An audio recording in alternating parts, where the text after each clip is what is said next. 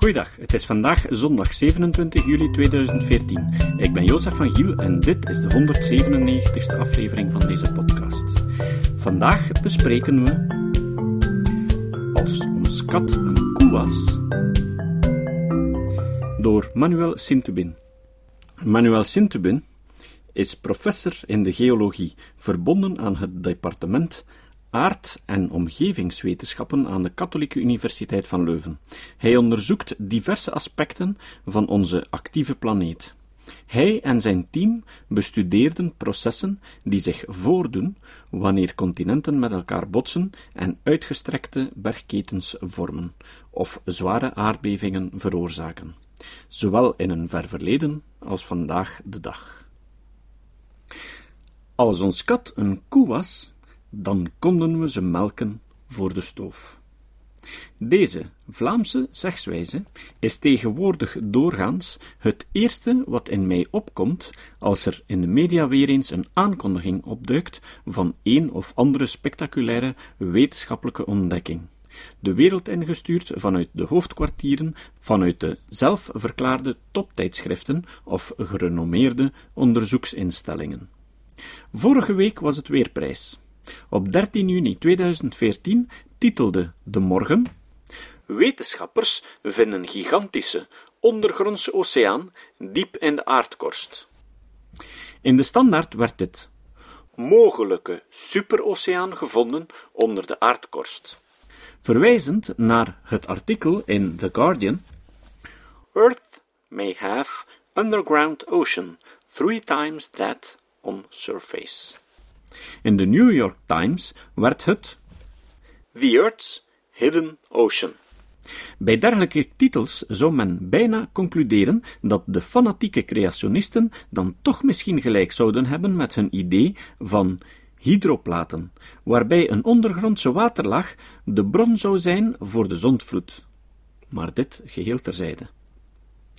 Op zijn reis naar het centrum van de aarde ontdekte professor Liedenbrock op 30 uur gaans een ondergrondse zee, de Liedenbrockzee. Jules Verne, 1864. En telkens verbaast het me ook hoe gemakkelijk de media, zelfs kwaliteitsmedia, blindelings en kritiekloos in de val loopt van dergelijke mediaoffensieven. Georchestreerd door de spindokters van Science, Nature en de andere toptijdschriften. Wat natuurlijk veel zegt over de wetenschapsredacties, als deze überhaupt nog bestaan.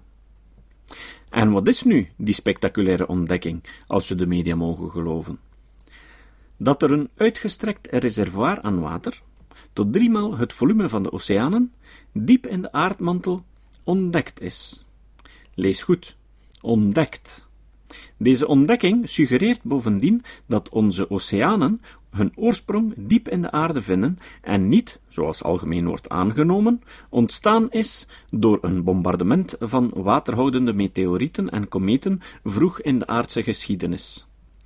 Een van de auteurs gaat nog een stapje verder door te opperen dat dit mantelreservoir wel eens als buffer zou kunnen dienen voor de oceanen aan de oppervlak, om zo hun volume constant te houden doorheen de aardse geschiedenis. Volgens hem mogen we trouwens van geluk spreken, want als dit water niet was vastgelegd diep in de aarde, enkel de hoogste bergtoppen boven de oceanen zouden uitsteken. Ik viel van mijn stoel. Gelukkig bracht het lezen van het bewuste wetenschappelijke artikel, gepubliceerd in Science onder de titel Dehydratation melting at the top of the lower mantle, alles terug tot zijn juiste wetenschappelijke proporties. Totaal verschillend van wat de spindokters ervan gemaakt hebben. Voor eerst valt trouwens op dat het artikel vol could, may, suggest, likely en would stond. Waarschijnlijk eigen aan de armwaving-stijl van het tijdschrift. De auteurs suggereren, ze hebben uiteindelijk niets ontdekt, dat het structurele water dat ingebouwd is in het kristalrooster van ringwoodiet, het mineraal waaruit de mantel bestaat in de overgangszone tussen 410 en 670 kilometer diepte, als het ware gevangen zit in die overgangszone door een combinatie van de dehydratatie van ringwoodiet aan de onderzijde van de overgangszone, aangedreven door een wegduikende convectie en een veronderstelde opwaartse convectie aan de bovenzijde van de overgangszone.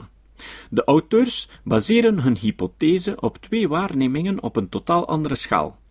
Enerzijds wijst een hoge druk-experiment op een ringwoodiet-kristal, amper 100 mm in diameter, uit dat bij faseovergang naar perovskiet door dehydratatie op de nanoschaal een silicaatsmelt kan ontstaan.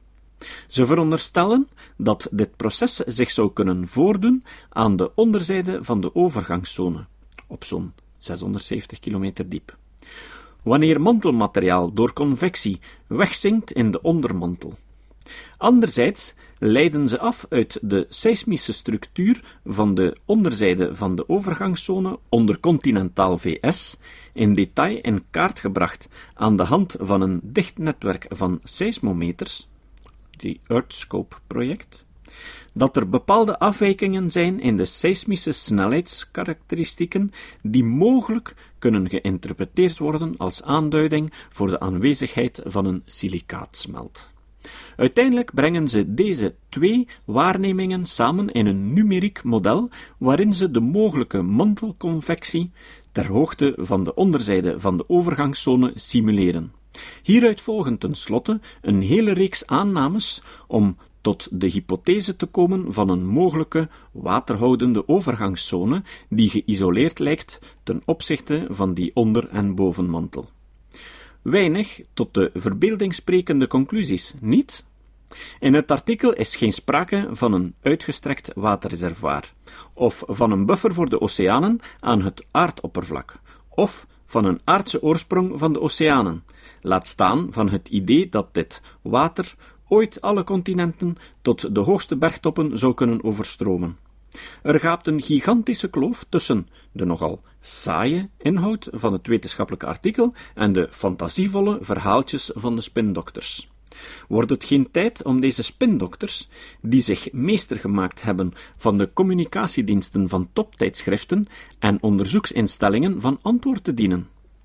Wordt het geen tijd dat de media, vooral de kwaliteitsmedia, zich niet meer laat verleiden door de sirenezang van spectaculaire, maar inhoudsloze scoops?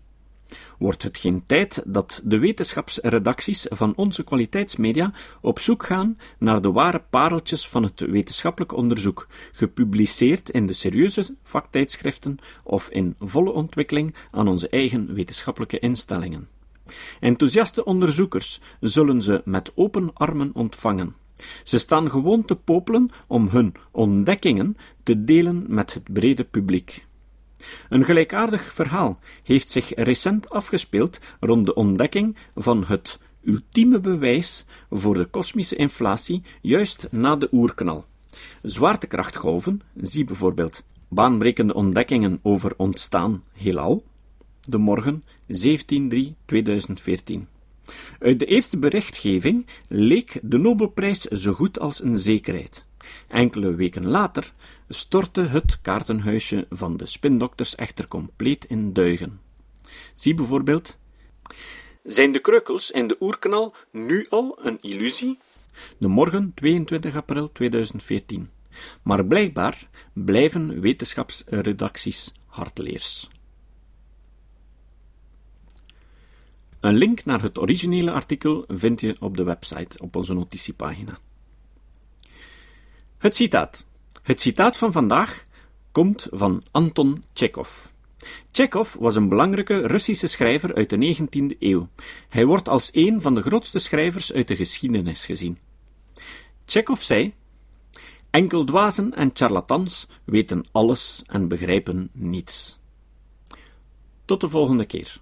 De productie van deze podcast is mogelijk dankzij de medewerking van Rick de Laat, Emiel Dengemans, Leon Kortweg, Stefan Sutens en de muziek van Nick Lucassen. En natuurlijk ook de steun van vele luisteraars. Op onze website onder menu steunen kan je vinden op welke manier je ons kan helpen de sceptische boodschap verder uit te dragen.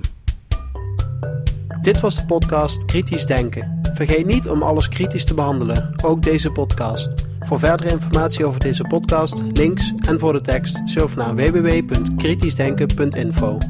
Als je deze podcast belangrijk vindt, kun je me steunen door anderen warm te maken ook eens te luisteren. Stuur een e-mail naar vrienden met een link naar de website en plaats de link in de handtekening van je e-mails.